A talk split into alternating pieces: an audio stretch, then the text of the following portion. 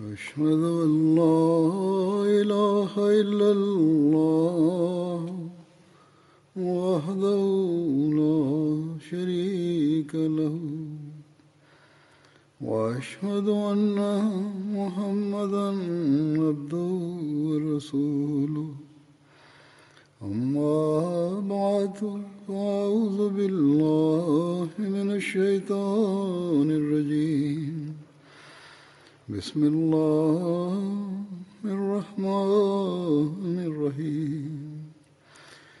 الحمد لله رب العالمين. الرحمن الرحيم. مالك يوم الدين. إياك نعبد وإياك نستعين. اهدنا الصراط المستقيم. صراط الذين أنعمت عليهم.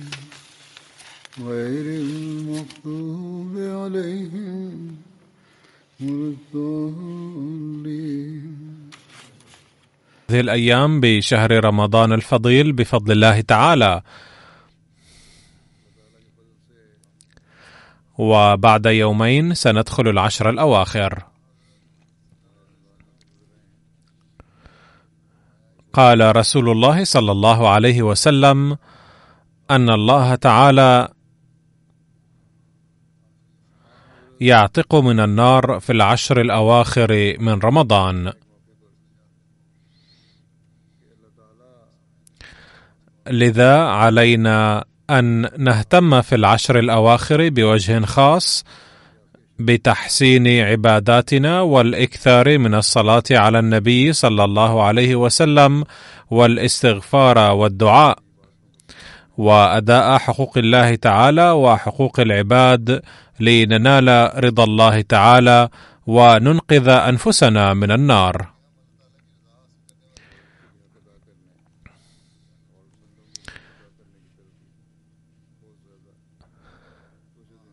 ماذا كانت أسوة النبي صلى الله عليه وسلم وعمله في العشر الأواخر من رمضان؟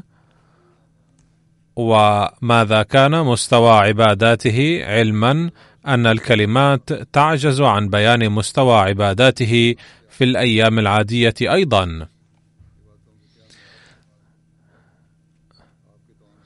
فتقول السيدة عائشة رضي الله عنها بهذا الشأن أنه صلى الله عليه وسلم كان يجتهد في رمضان بقدر لم يلاحظ في غيره. من الواضح أن الجهود التي كان النبي صلى الله عليه وسلم يبذلها في هذه الأيام تفوق تصورنا.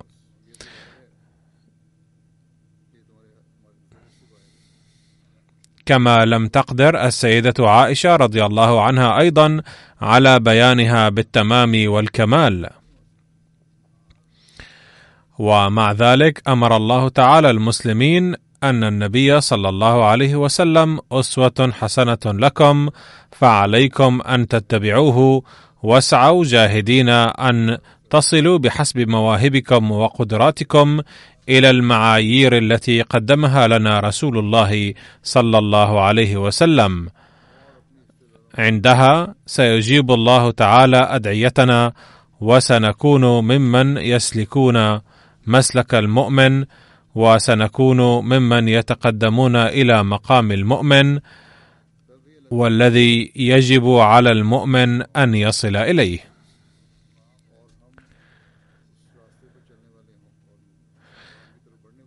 فيجب علينا أن ننصرف إلى الدعاء بوجه خاص في هذه الأيام.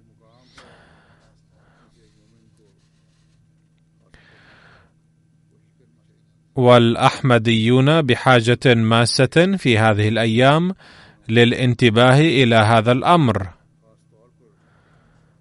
لأن هناك مساع كثيرة جارية ضد الجماعة و تؤجج نيران الكراهية ضدنا في بلاد إسلامية. فلندعو الله تعالى أن ينقذنا منها ويرد شرور الأشرار في نحورهم. كذلك يجب أن ندعو لاجتناب الوباء المنتشر حاليا.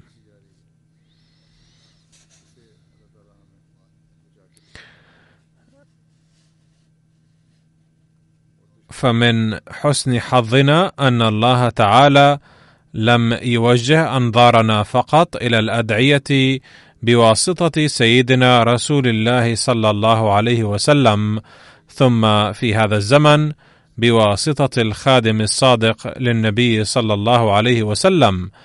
بل علمنا أيضا أساليب تجاب بها الأدعية.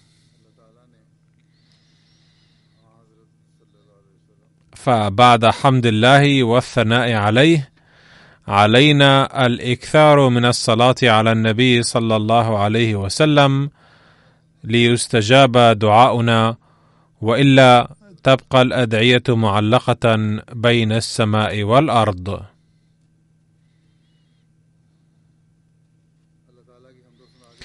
قال رسول الله صلى الله عليه وسلم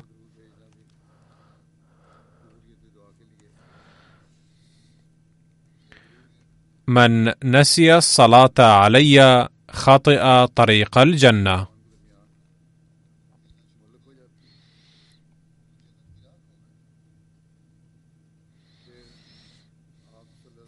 وجاء في حديث آخر ما معناه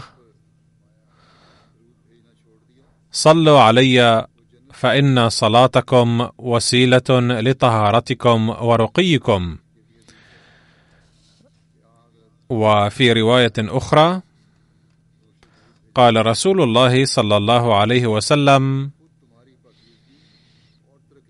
من صلى علي صلاة واحدة صلى الله عليه عشر صلوات وحطت عنه عشر خطيئات ورفعت له عشر درجات.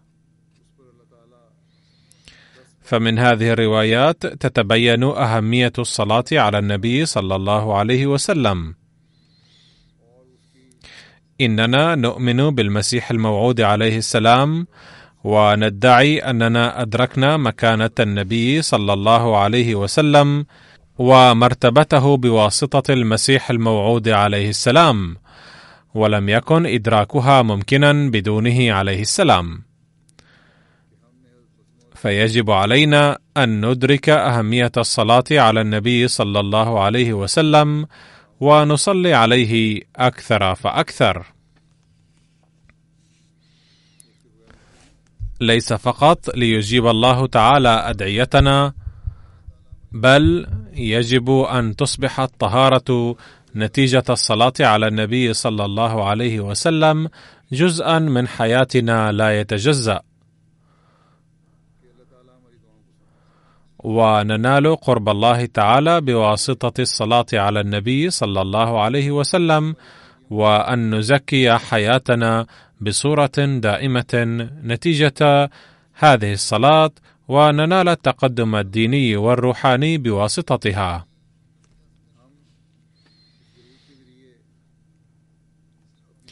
ولكن يجب الا ندعي باللسان فقط أننا آمنا بالمحب الصادق للنبي صلى الله عليه وسلم بل يجب أن يصدق ادعاؤنا هذا كل فعل من أفعالنا وكل عمل من أعمالنا بأننا مؤمنون بالمسيح والمهدي الموعود الذي قال عنه الملائكة أيضا في السماء هذا رجل يحب رسول الله صلى الله عليه وسلم أكثر من غيره.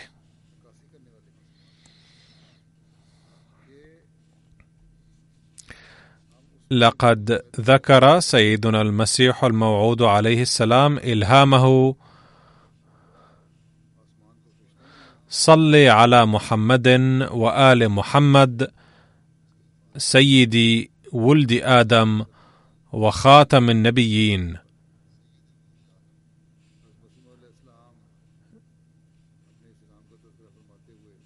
وفيه إشارة إلى أن كل هذه المراتب والأفضال والعنايات إنما هي بسببه وجزاء على حبنا له صلى الله عليه وسلم.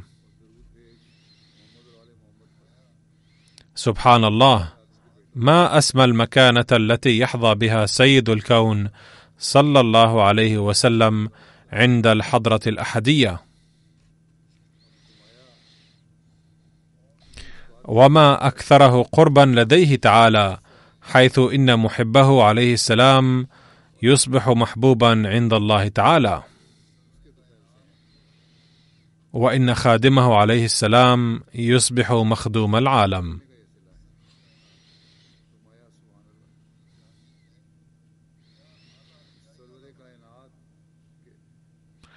اي الذي يؤدي حق خدمة النبي صلى الله عليه وسلم ينال عند الله مكانة بحيث يجتمع العالم على يده.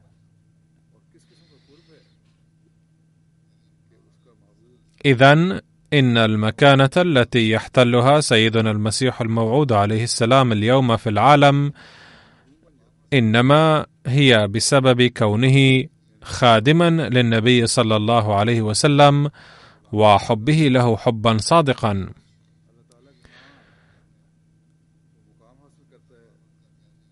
وبسبب هذا الحب جعل الله المسيح الموعود خادما للنبي صلى الله عليه وسلم ونبيا امتيا أرسل لنشر دينه ومواصلة مهمته صلى الله عليه وسلم ولنشر الإسلام.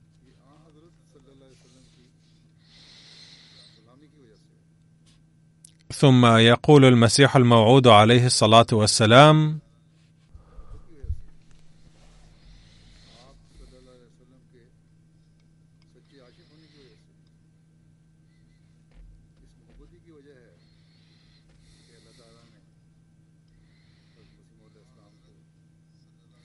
وقد تذكرت هنا أنني صليت على النبي صلى الله عليه وسلم في إحدى الليالي بكثرة حتى تعطر به القلب والروح.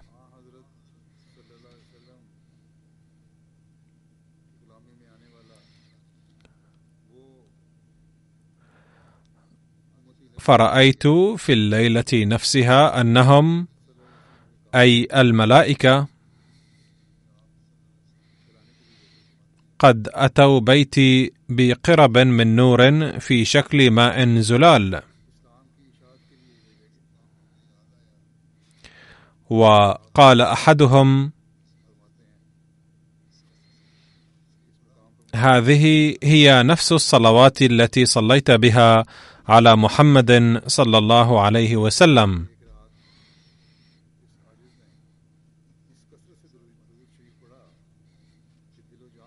تذكرت الآن حادثا غريبا آخر.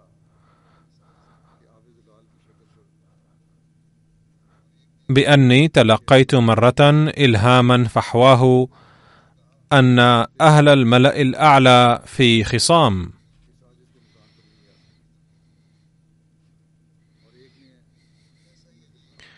أي أن مشيئة الله تعالى تهيج لإحياء الدين.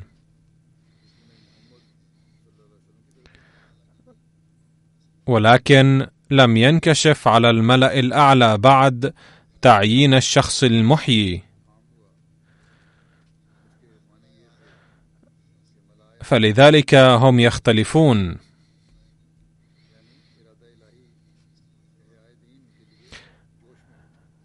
وفي أثناء ذلك رأيت في الرؤيا أن الناس يبحثون عن هذا المحيي.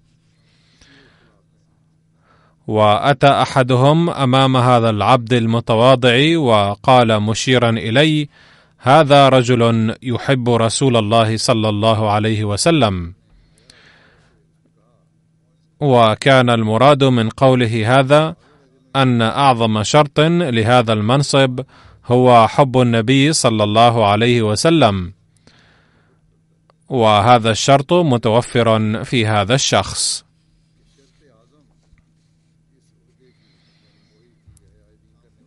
فإن قوم قد صدقنا بالمسيح والمهدي الذي بعثه الله تعالى لإحياء الدين.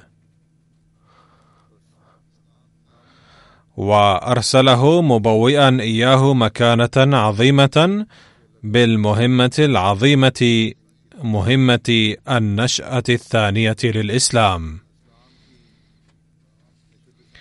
لكي يجمع العالم كله تحت راية النبي صلى الله عليه وسلم ويجعلهم غلمانا له صلى الله عليه وسلم.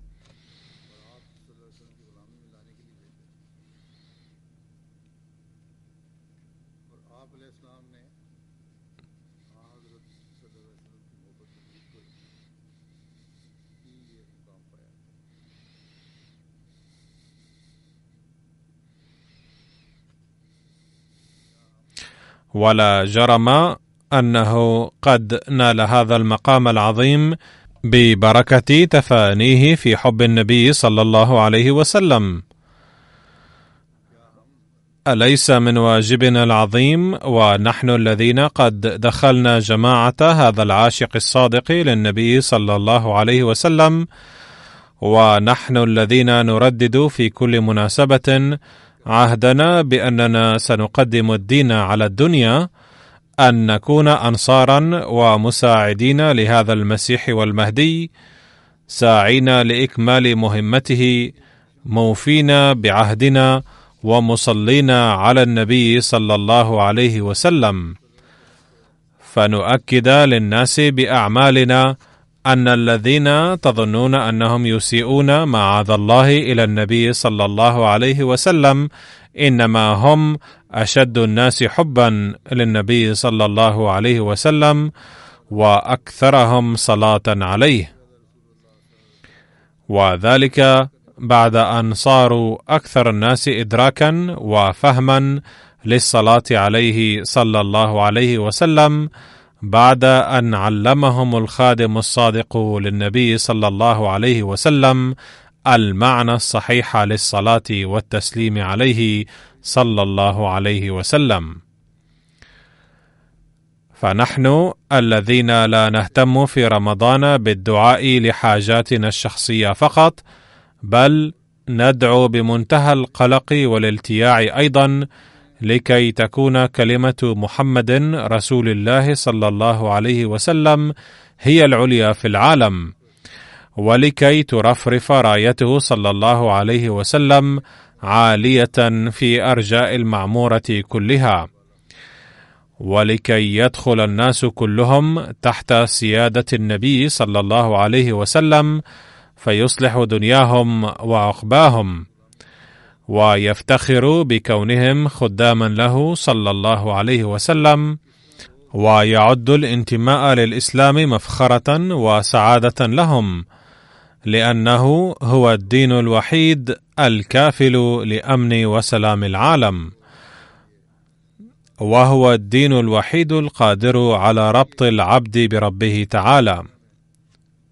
وهو الدين الوحيد الذي يعلن أن الله تعالى يقبل اليوم أيضا أدعية المؤمنين بمحمد رسول الله صلى الله عليه وسلم ويجيب على سؤالهم بسبب حبه تعالى للنبي صلى الله عليه وسلم. اذا فهذه مسؤولية عظيمة ألقيت على عواتقنا نحن المسلمين الأحمديين فنحن الذين سوف نخبر العالم بهذا الأمر. فعلينا الآن فحص أنفسنا لنرى مدى صدقنا وعمقنا في أداء هذا الواجب. لنرث افضال الله تعالى وإنعاماته وفيوضه. إذا أردنا أن نكون الوارثين لهذه النعم والأفضال حقا إلى يوم القيامة فيجب علينا افرادا وجماعه ألا نبرح نصلي على النبي صلى الله عليه وسلم. وعندها سوف نرى كيف يفشل بفضل الله تعالى ما يمكر بنا العدو من كيد ومؤامرات وهجوم فشلا ذريعا. وكيف أن الله تعالى سيكفينا شر الأعداء. وكيف نتقدم نحن وأجيالنا روحانيا وكيف نرى آيات استجابة أدعيتنا على صعيد الأفراد والجماعة؟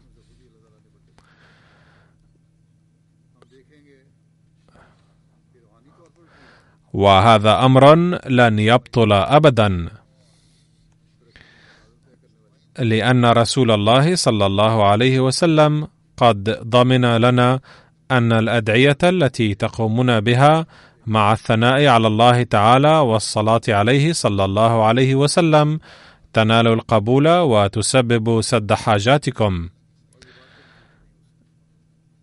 شريطة أن تكون هذه الصلاة عليه صلى الله عليه وسلم نابعة من القلب مع صدق وإخلاص ومع لوعة شديدة لرفع مكانته صلى الله عليه وسلم أكثر فأكثر. ومع دعاء صادق في حضرة الله تعالى نابع من القلب. وهذا لا يتأتى إلا إذا كان هناك إدراك لعمق هذا الأمر وحكمته. وأخبركم هنا بإيجاز أن الدعاء إنما ينبع من القلب إذا كان الداعي يدرك ما يفعله. أما إذا كان يثرثر بكلمات الدعاء بلسانه فقط فلا يتيسر له التعمق في معاني تلك الكلمات ولا يؤثر دعاؤه في قلبه كما ينبغي. وإذا لم يتأثر القلب بالدعاء فلا يتولد الحماس ولا الرقة المطلوبين. فلكي يتأثر القلب وقت الدعاء على الداعي أن يدرك ماذا يفعل ولماذا يفعل. هناك الملايين الذين يتلفظون بكلمات الصلاة على النبي صلى الله عليه وسلم بألسنتهم دون أن يدروا ما معنى تلك الكلمات وماذا سينفعهم من صلاتهم على النبي صلى الله عليه وسلم وماذا تنفعه صلى الله عليه وسلم.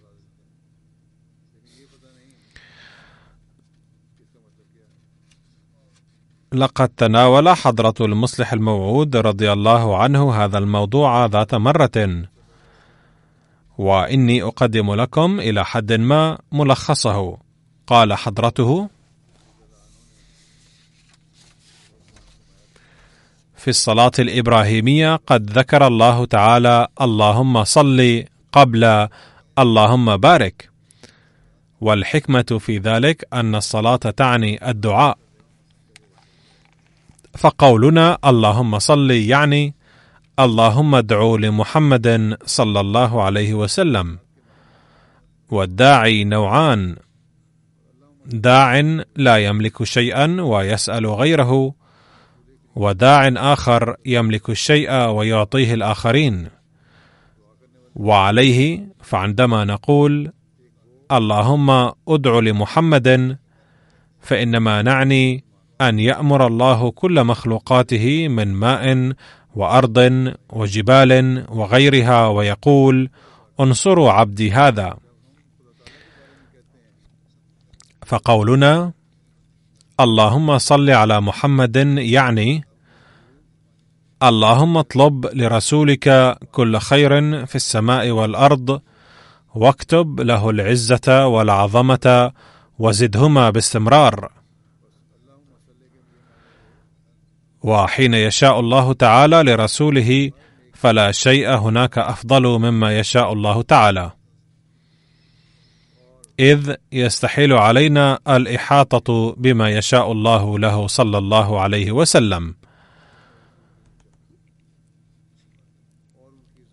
فدعاؤنا اللهم صل على محمد يعني اللهم اطلب لنبينا أرفع مكانة ممكنة عندك أو اكتب له ما تريده له.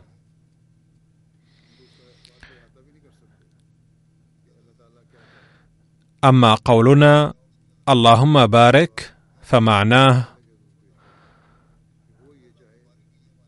اللهم زد ما أنزلته على نبينا محمد صلى الله عليه وسلم من رحمات وأفضال وإنعامات بحيث تجتمع فيه كل ما في الكون من رحمات وأفضال وبركات.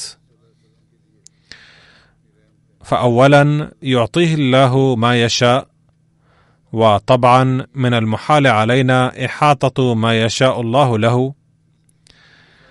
وثانيا نسأل الله تعالى أن يزيد ما يشاءه ويعطيه للنبي صلى الله عليه وسلم. وهذا أيضا يستحيل علينا تصوره والإحاطة به. فعندما تجتمع هذه الأمور والأدعية بحق النبي صلى الله عليه وسلم وعندما نواصل الدعاء لبقائها له صلى الله عليه وسلم فإننا أيضا نفوز بحظ من أدعية النبي صلى الله عليه وسلم لأمته. وعندما ندعو بلوعة القلب لغلبة دينه ولحكمه على العالم كله فسوف يعطينا الله حظا من أدعيتنا هذه أيضا ويعطينا من فيوض صلاتنا على النبي صلى الله عليه وسلم. إذ تشمل هذه الصلاة الدعاء لأمته أيضا. وهكذا فإن البذور التي نبذرها سوف ننتفع نحن أيضا من فيوض ثمارها. لأن قولنا صل على هو بمنزلة بذرة وقولنا بارك على هو بمنزلة ثمارها. شريطة أن يتم كل هذه الأشياء بخلوص القلب وصدق النية وأن يكون ثمة اهتمام بالعمل بالتعاليم التي جاء بها النبي صلى الله عليه وسلم. والتركيز على أداء حقوق الله وحقوق العباد وأن نثبت كوننا من الآل الحقيقي للنبي صلى الله عليه وسلم ونؤدي حقه. لا يمكن أن يمارس الإنسان ظلما باسم الله ورسوله ثم يردد الصلاة على النبي صلى الله عليه وسلم زاعما بأنني سأنال تلك البركات التي يحظى بها من يصلي على النبي صلى الله عليه وسلم بإخلاص النية. ومن يخالفون القانون ويعرضون الناس للمشاكل والأذى ثم يدعون قائلين بأننا عشاق الرسول صلى الله عليه وسلم ومن مكثري الصلاة عليه لذلك ينبغي الا يتعرض لنا أحد فيما نفعله. وكذلك من يغلقون الطرق ولا يدعون المرضى يصلون إلى المشافي زاعمين أن أعمالهم هذه مشروعة لأنهم يقومون بها باسم الله والرسول. فليعلموا أن جميع هذه الأمور عصيان صريح لأوامر الله تعالى ورسوله وهي ما لا يسمح به الله تعالى ولا رسوله الكريم صلى الله عليه وسلم. ولا فائدة من ترديد صلاة هؤلاء. إذ إن أعمالهم هذه بدلا من أن تزيد من مكانة النبي صلى الله عليه وسلم تحولت إلى محاولة شنيعة للحط من مكانته صلى الله عليه وسلم ولتشويه اسم الإسلام. وينبغي أن نتذكر أن من يمارس الظلم باسم الله ورسوله فإن بطش الله تعالى به أيضا سيكون شديدا. فإن كان بإمكان أحد إعطاء العالم ادراكا حقيقيا للصلاة على النبي صلى الله عليه وسلم فهم الأحمديون. لذلك فعليكم بالتركيز الشديد على الصلاة على النبي صلى الله عليه وسلم في شهر رمضان الجاري كما عليكم بالسعي لإحداث التغيرات الطيبة في أنفسكم التي هي ضرورية لتقبل صلاتكم على النبي صلى الله عليه وسلم. فإن قبلت هذه الصلاة فلا يستفيد بها إلا صاحبها لأن أدعيته ستستجاب وتتحسن حالته الروحانية وينال مثل هذا الإنسان قرب الله تعالى بعد قطعه شوطا في الحب الحقيقي للرسول الكريم صلى الله عليه وسلم. وتصل مثل هذه الصلاة الحقيقية إلى النبي صلى الله عليه وسلم ثم تعود إلى الأمة وتسبب لها الرقي والازدهار أيضا.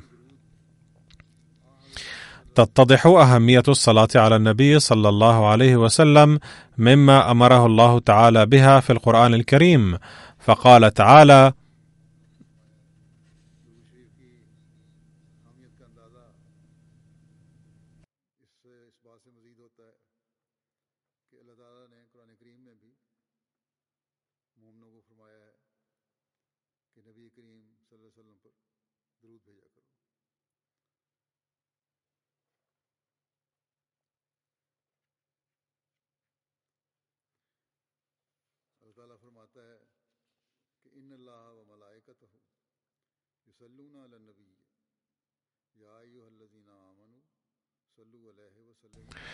إن الله وملائكته يصلون على النبي يا أيها الذين آمنوا صلوا عليه وسلموا تسليما. ولقد اتضحت من هنا حقيقة دعاء الله تعالى. إذ إنه تعالى يرفع درجات النبي صلى الله عليه وسلم كل حين وآن. ويهيئ اسبابا لإقامة عظمته صلى الله عليه وسلم ورفع درجته. ولقد عهد الله تعالى في العصر الحاضر هذه المسؤولية إلى أفراد جماعة المسيح الموعود عليه السلام أن يصلوا على النبي صلى الله عليه وسلم عاملين بأمر الله تعالى. لكي يرثوا أفضل الله تعالى ويستفيضوا بأدعية الملائكة. وذلك لأنهم عندما يصلون على النبي صلى الله عليه وسلم فإن أمته والمؤمنين به حق الإيمان أيضا ينالون فيوض بركات صلاة الملائكة. فمن مقتضى الشكر على ما ننعم به من هذه الفيوض أن نصلي على النبي صلى الله عليه وسلم أكثر من ذي قبل. وهكذا تستمر دون ما انقطاع سلسلة الصلاة على النبي صلى الله عليه وسلم ثم الشكر على الفيوض المترتبة عليها ويستفيض بها المؤمن الحقيقي على الدوام. سلط المسيح الموعود عليه السلام ضوءا على هذا الأمر فقال انظروا إلى صدق سيدنا ومولانا محمد رسول الله صلى الله عليه وسلم وإخلاصه إذ قاوم كل نوع من نزعات سيئة وتحمل أصناف المصائب والمعاناة ولكن لم يبال بها. هذا كان الفضل والإخلاص الذي بسببهما أنزل الله عليه فضله ورحمته فقال ان الله وملائكته يصلون على النبي. يا ايها الذين امنوا صلوا عليه وسلموا تسليما. يتبين من هذه الايه ان اعمال الرسول الاكرم صلى الله عليه وسلم كانت ساميه لدرجه ان الله تعالى لم يستخدم كلمة معينة لمدحها أو لتحديدها ووصفها. لا شك أن انتقاء الكلمات كان ممكنا ولكنه تعالى لم يستخدمها قصدا. وهذا يعني أن مدح أعماله الصالحة كان يفوق التحديد. لم تأتي آية مثلها بحق أي نبي آخر. كانت روحه صلى الله عليه وسلم تتحلى بالصدق والصفاء وكانت أعماله مرضية في نظر الله لدرجة أمر الناس أمرا دائما أن يصلي عليه في المستقبل على سبيل الامتنان. فهذا الشكر والامتنان يفيدنا في النهاية. وفقنا الله تعالى في شهر رمضان الجاري وبعده أيضا على الدوام لفهم أهمية الصلاة على النبي صلى الله عليه وسلم والإكثار منها.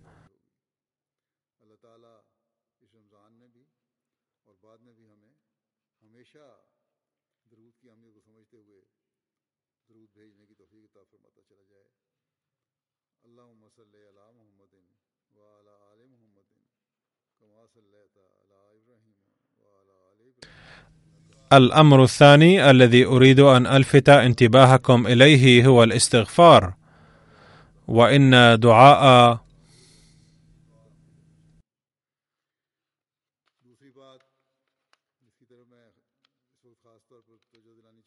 أستغفر الله ربي من كل ذنب وأتوب إليه يقع على جانب كبير من الأهمية بهذا الخصوص. يقول المسيح الموعود عليه السلام عن الاستغفار كما يلي.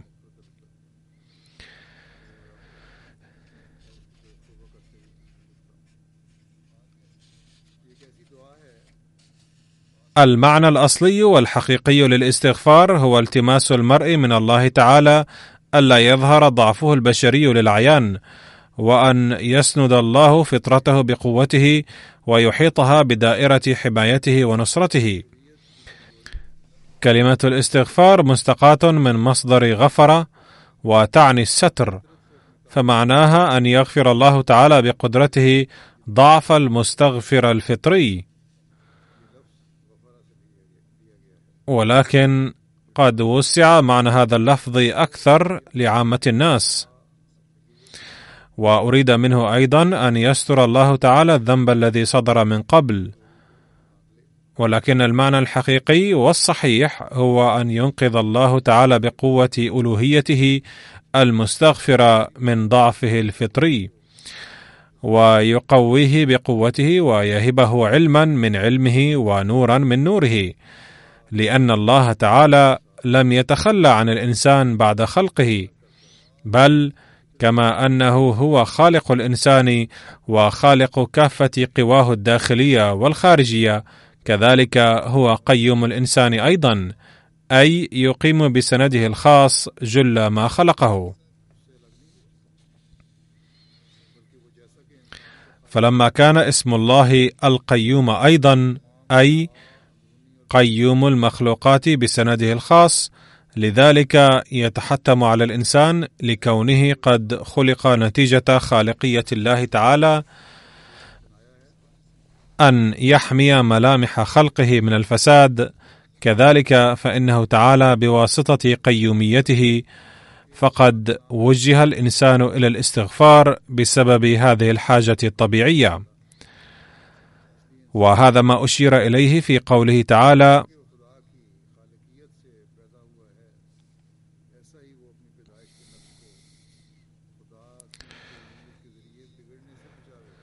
الله لا إله إلا هو الحي القيوم.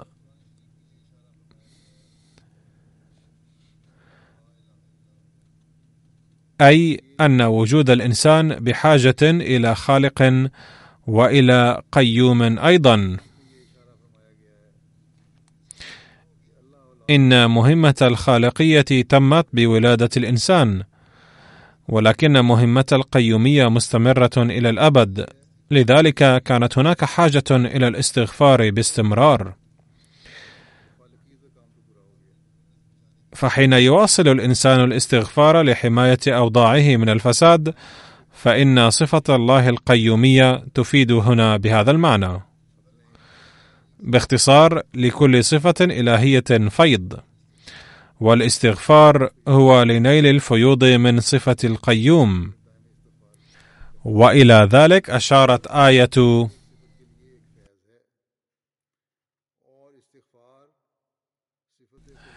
إياك نعبد وإياك نستعين من سورة الفاتحة.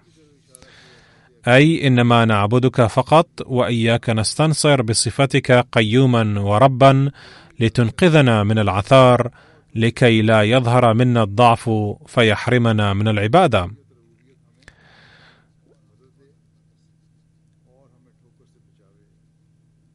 اذا فالاستغفار مهم وضروري جدا لإحراز العبادات واتقاء هجمات الشيطان. والاستجابة لأوامر الله تعالى. ولا ينحصر الاستغفار في طلب المغفرة إثر صدور ذنب فقط. وصحيح أن الاستغفار والتوبة في تلك الساعة أيضا ضروريان جدا لأننا نحتاج إلى عون الله لمغفرة ما صدرت من الذنوب ولاجتنابها في المستقبل. وهذا العون يتحقق لنا بالاستغفار وبذلك يتحتم الاستغفار في كلا الحالين أي سواء صدرت من الذنوب أم لا. فالشيطان يتربص بنا في الطريق.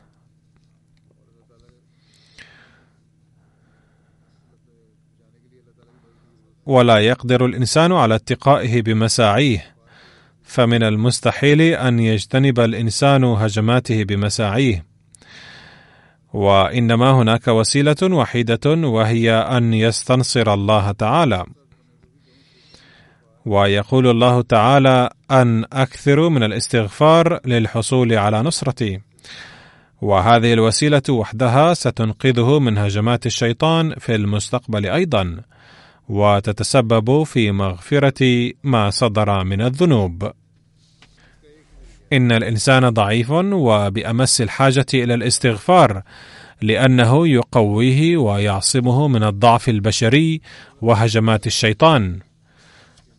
فالاستغفار الدائم سوف ينشط صفة الله القيوم ومن ثم يصان المستغفر من كل سيئة لأن الله تعالى يقرب إليه من يأتيه فالذي يأتيه تائبا بعد ارتكاب الذنوب فإن الله يقبل توبته.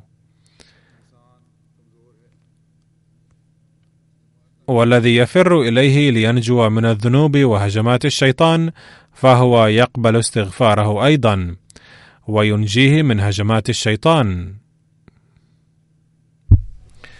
كم هي واسعة رحمة الله تعالى ومغفرته؟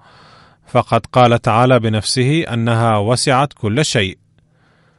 ثم قص علينا النبي صلى الله عليه وسلم أيضا بيانا لذلك. قصة من قتل تسعا وتسعين ثم ندم وتاب وذهب إلى عالم ليسأله عن التوبة. فقال له كيف يغفر لك بعد ارتكاب الكم الهائل من الذنوب والقتل؟ فقتله هو الآخر وأتم بذلك مئة. ثم وصل إلى عالم أكبر منه وتكلم معه فقال له أجل قد قال الله تعالى إن باب التوبة مفتوح كل حين وآن.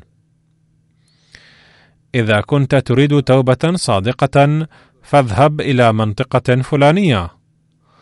وستجد الناس هناك يعبدون الله وينشغلون في أعمال الدين فانضم إليهم.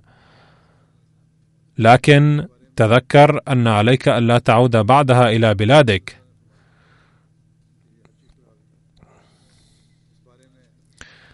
أي من مقتضى التوبة الصادقة أن يقطع المرء جميع العلاقات التي تسببت في ارتكاب الذنوب. فالتوبة الحقيقية ألا تعود إلى المكان السابق فتوجه إليها. وفي الطريق وافاه الأجل.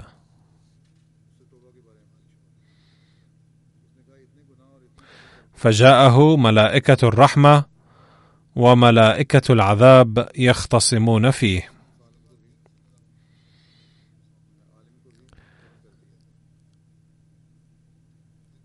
حيث كانت ملائكة الرحمة تقول: قد تاب لذا سوف يدخل الجنة.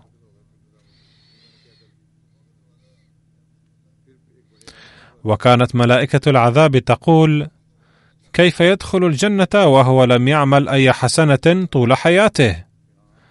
فلا غفران له. فجاء ملك ثالث حكما فقال لهم يجب أن تقيسوا المسافة من نقطة انطلاقه ونقطة محطته الأخيرة. ثم خذوه إلى حيث كان أقرب. فلما قاسوا المسافة كان أقرب إلى حيث كان يريد الوصول إليه فأخذته ملائكة الرحمة إلى الجنة لتوبته من الذنوب وتوجهه إلى الأعمال الصالحة.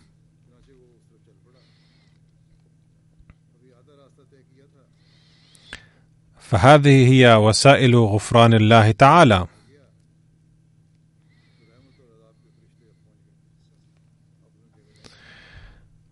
فقد خلق وسائل المغفرة لمن ارتكب أبشع المظالم والقتل حين تاب في حالة الصحة.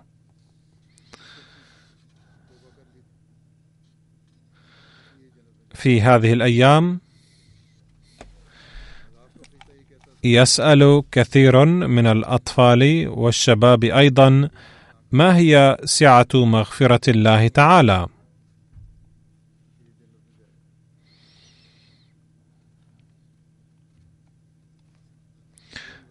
فهذا الحديث وضح لهم قول الله تعالى إنني أقبل التوبة وأن رحمتي واسعة جدا. فلا حد لها. بشرط أن يكون التائب صادقا. وفي رواية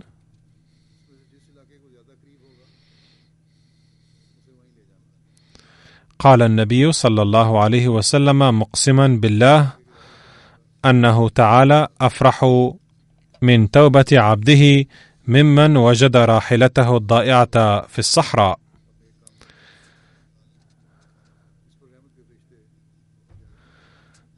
فالله تعالى يتقدم إلى من يتقدم إليه. فقال النبي صلى الله عليه وسلم أن الله تعالى قال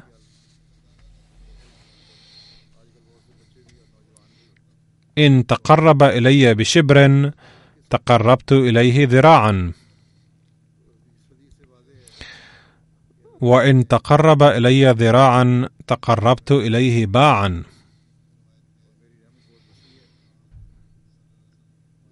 وإن أتاني يمشي أتيته هرولة. فمن الواجب علينا أن نتقرب إلى الله تعالى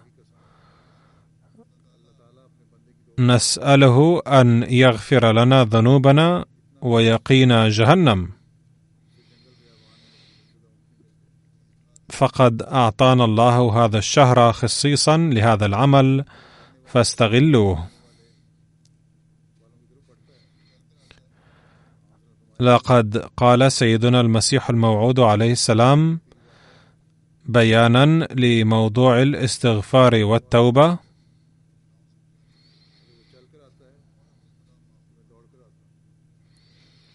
ليكن معلوما أن إنكار التوبة والمغفرة إنما هو إغلاق باب رقي الإنسان لأنه من الواضح ومن البديهيات لدى الجميع أن الإنسان ليس كاملا في حد ذاته بل هو بحاجة إلى التكميل.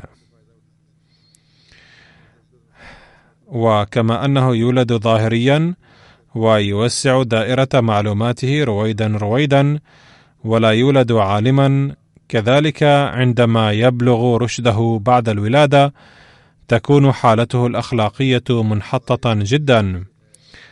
فمثلا لو تأمل أحد في حالات الأطفال الناشئة لعلم بكل وضوح أن معظمهم متعودون على أن يضربوا زملائهم على أدنى نزاع بينهم.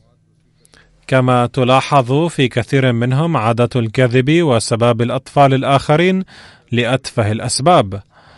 ويكون بعضهم متعودا على السرقة والنميمة والحسد والبخل أيضا.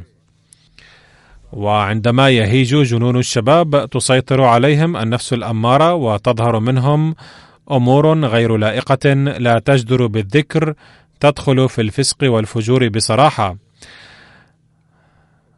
فملخص الكلام أن المرحلة الأولى لمعظم الناس هي مرحلة حياة قذرة. ثم عندما يخرج الإنسان السعيد من طوفان أوائل العمر العارم يتوجه إلى ربه ويتوب توبة نصوحا ويتحاشى امورا غير لائقة ويعكف على تطهير نفسه.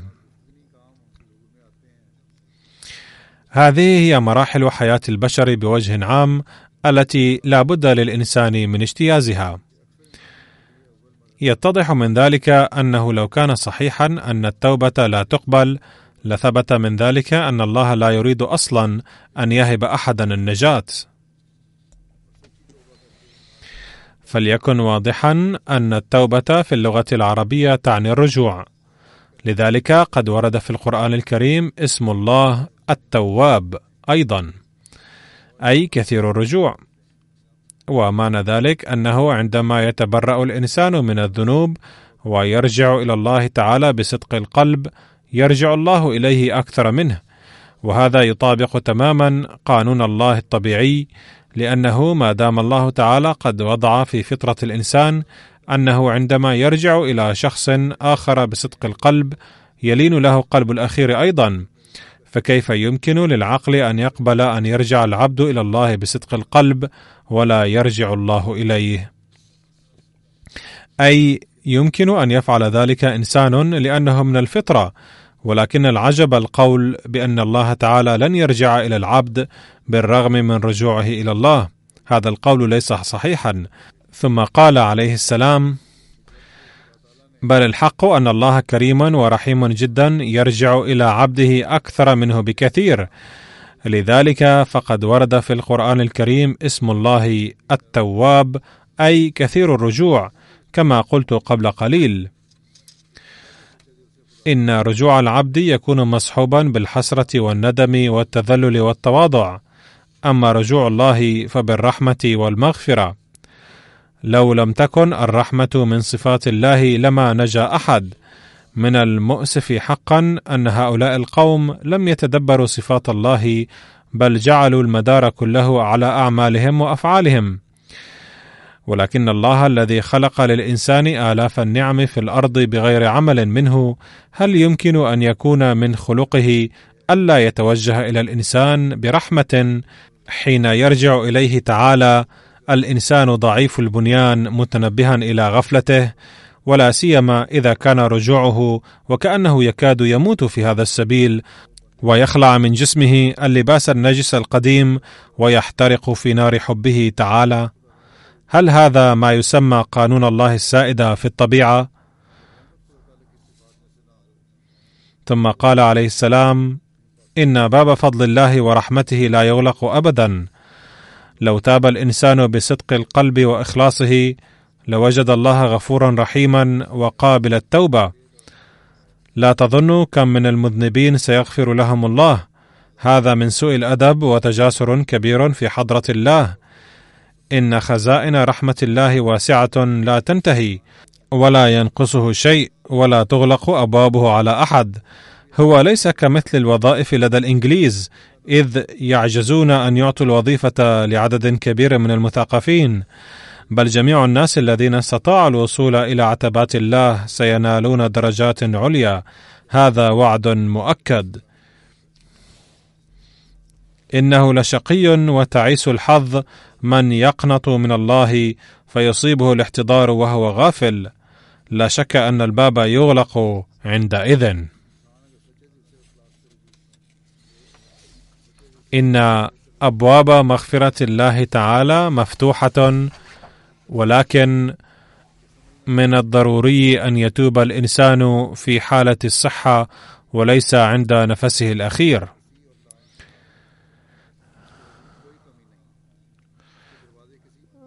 ففي هذه الأيام توبوا إلى الله واستغفروه كثيرا لأن شهر رمضان شهر استجابة الدعاء. وكذلك العشر الأواخر منه عتق من النار.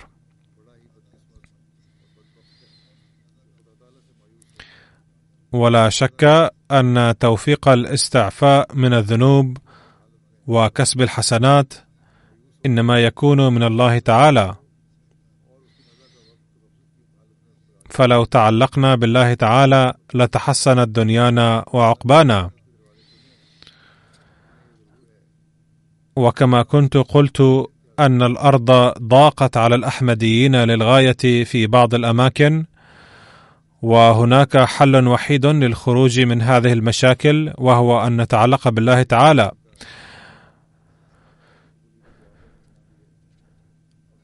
ولو تعلقنا بالله تعالى ولو بلغت صلاتنا على النبي صلى الله عليه وسلم واستغفارنا درجة ننال بهما رضا الله تعالى. فلا يسع العدو أن يضر بنا مهما حاول وسعى. ولكن إذا كان الله غير راض عنا فلن ينفعنا أي تدبير دنيوي ولن يجدينا شيء. لذا علينا توطيد علاقتنا بالله تعالى. وادعو كثيرا في رمضان للحماية من شر الأعداء. وكما قلت تحل بالأحمديين كثيرا من المصاعب في بعض الأماكن ويواجهون مشاكل كثيرة.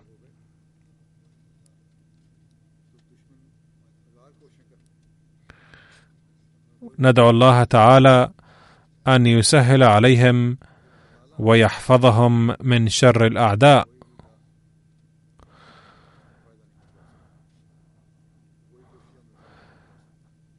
وعلى الأحمديين الباكستانيين أن يكثروا من الأدعية لأنفسهم وللجماعة أيضا في هذه الأيام خاصة.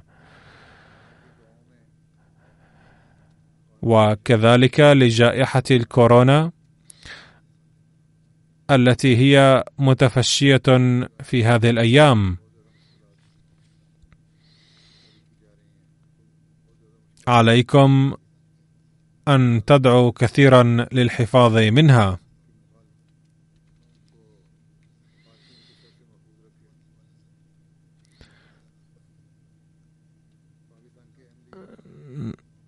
نجى الله تعالى الدنيا وإيانا من هذا البلاء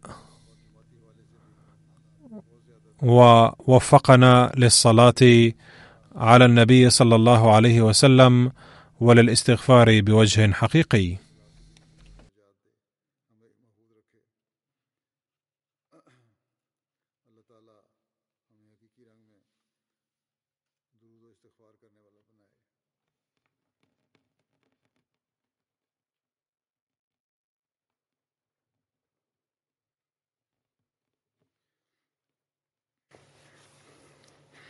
الحمد لله الحمد لله نحمده ونستعينه ونستغفره ونؤمن به ونتوكل عليه ونعوذ بالله من شرور أنفسنا ومن سيئات أعمالنا.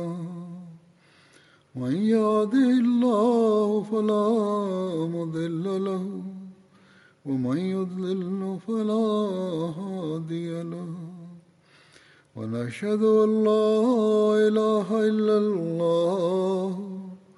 ونشهد أن محمدا عبده ورسوله. عباد الله رحمكم الله. إن الله يأمر بالعدل واللسان وإيتاء ذي القربى وينهى عن الفحشاء والمنكر والبغي. يعظكم لعلكم تذكرون. اذكروا الله يذكركم وادعوه يستجب لكم ولذكر الله أكبر.